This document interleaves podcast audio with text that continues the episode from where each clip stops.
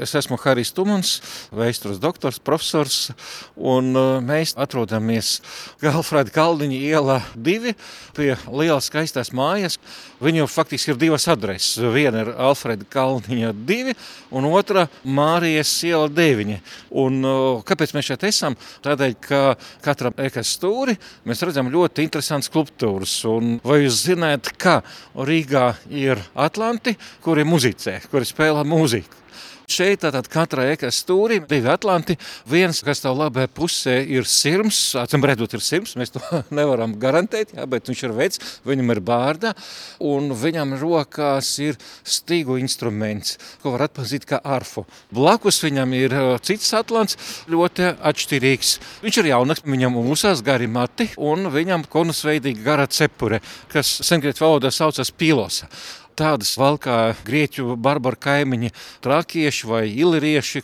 Tā bija tāda karavīru algotņu barbaru pazīme. Nu, katrā ziņā zemes sociālās kategorijas pazīme. Bet eh, šiem atlantam rokās vēl dažas interesantas lietas. Pirmkārt, viņam aiz pleciem ir vairoks, otrkārt, viņam rokā ir zobens. Lielākoties tas zobens ir zudis un tikai tajā fasādē, kas atrestaurēta Elizabetes ielas fasāde, tur mēs tikai redzam to zobenu. Citās vietās tas ir tikai tikai zobena rokturis, jo pats zobens ir nolūzis. Un pats interesantākais ir tas, ka otrā rokā viņam ir pūšamais raks ko izmantoja karavīri senos laikos signālu došanai kaujas laikā. Tātad, lūk, divi atlanti, un tagad pats interesantākais, kāpēc viņam rokās mūzikas instrumenti. Viens no viņam noteikti ir Homers, un tas ir tas, kas spēlē arfu. Otrs, tas varētu būt vai no Olimps vai Marsīs. Olimps ir tas saucamais aulets no Frīgijas, tātad atkal no Barbaru novada, bet skaitījies, ka viņš ir daudzu dziesmu autors. Nu, no otras puses, tas varētu būt arī viņa dēls Marsīs, kas ir gans, nu, vispār senē grieķības slavens mūzikas. Ko nozīmē aulos? Aulos bieži vien mūsdienu valodās šo vārdu arī tulko kā flauta, lai gan tas nav gluži tas pats, bet uh, aulos parasti ir ar diviem korpusiem mūzikas instruments, un auletika ir attiecīgi aulosa spēlēšana.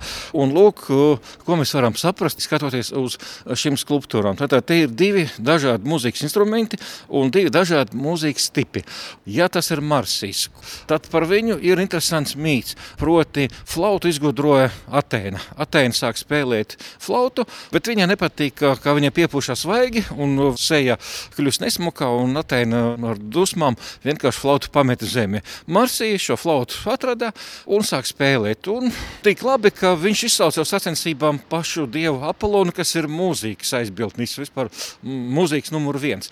Un, protams, Apolons uzvarēja, un spēles noteikumi bija tādi, ka uzvarētais izdarīs ar savu sancensību visu, ko viņš gribēs. Un Apollons piesēja Marsiju pie priedis un noplēs ādu. Bet interesanti, ka tomēr mēs redzam šeit divus dažādus cilvēku tipus un divus dažādus mūzikas instrumentus. Viens ir cēlējs Homers, otrs ir pusbarbars, ja? un šī opozīcija nav nejauša. Opozīcijas būtība mums izsaka šie instrumenti. Senie grieķi izveido izpratni par divām toņkārtām.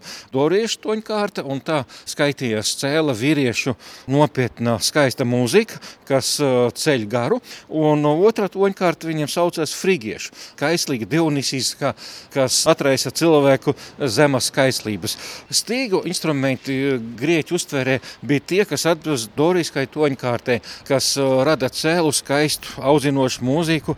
Ieprieti tam pušām instrumenti tika nicināti, tādēļ, ka tie atraisa zemes kaislības un attīstā neprātu. Piemēram, Platons un Aristoteles ļoti negatīvi izteicās par visam stabulām un flautām. Un Platons savā ideālajā valstī šo instrumentu bija aizliedzis, un tāpat arī Aristoteles ieteica neizmantot šo instrumentu jauniešu audzināšanā, tādēļ, ka tie attīstā zemiskās tieksmes un dziņas.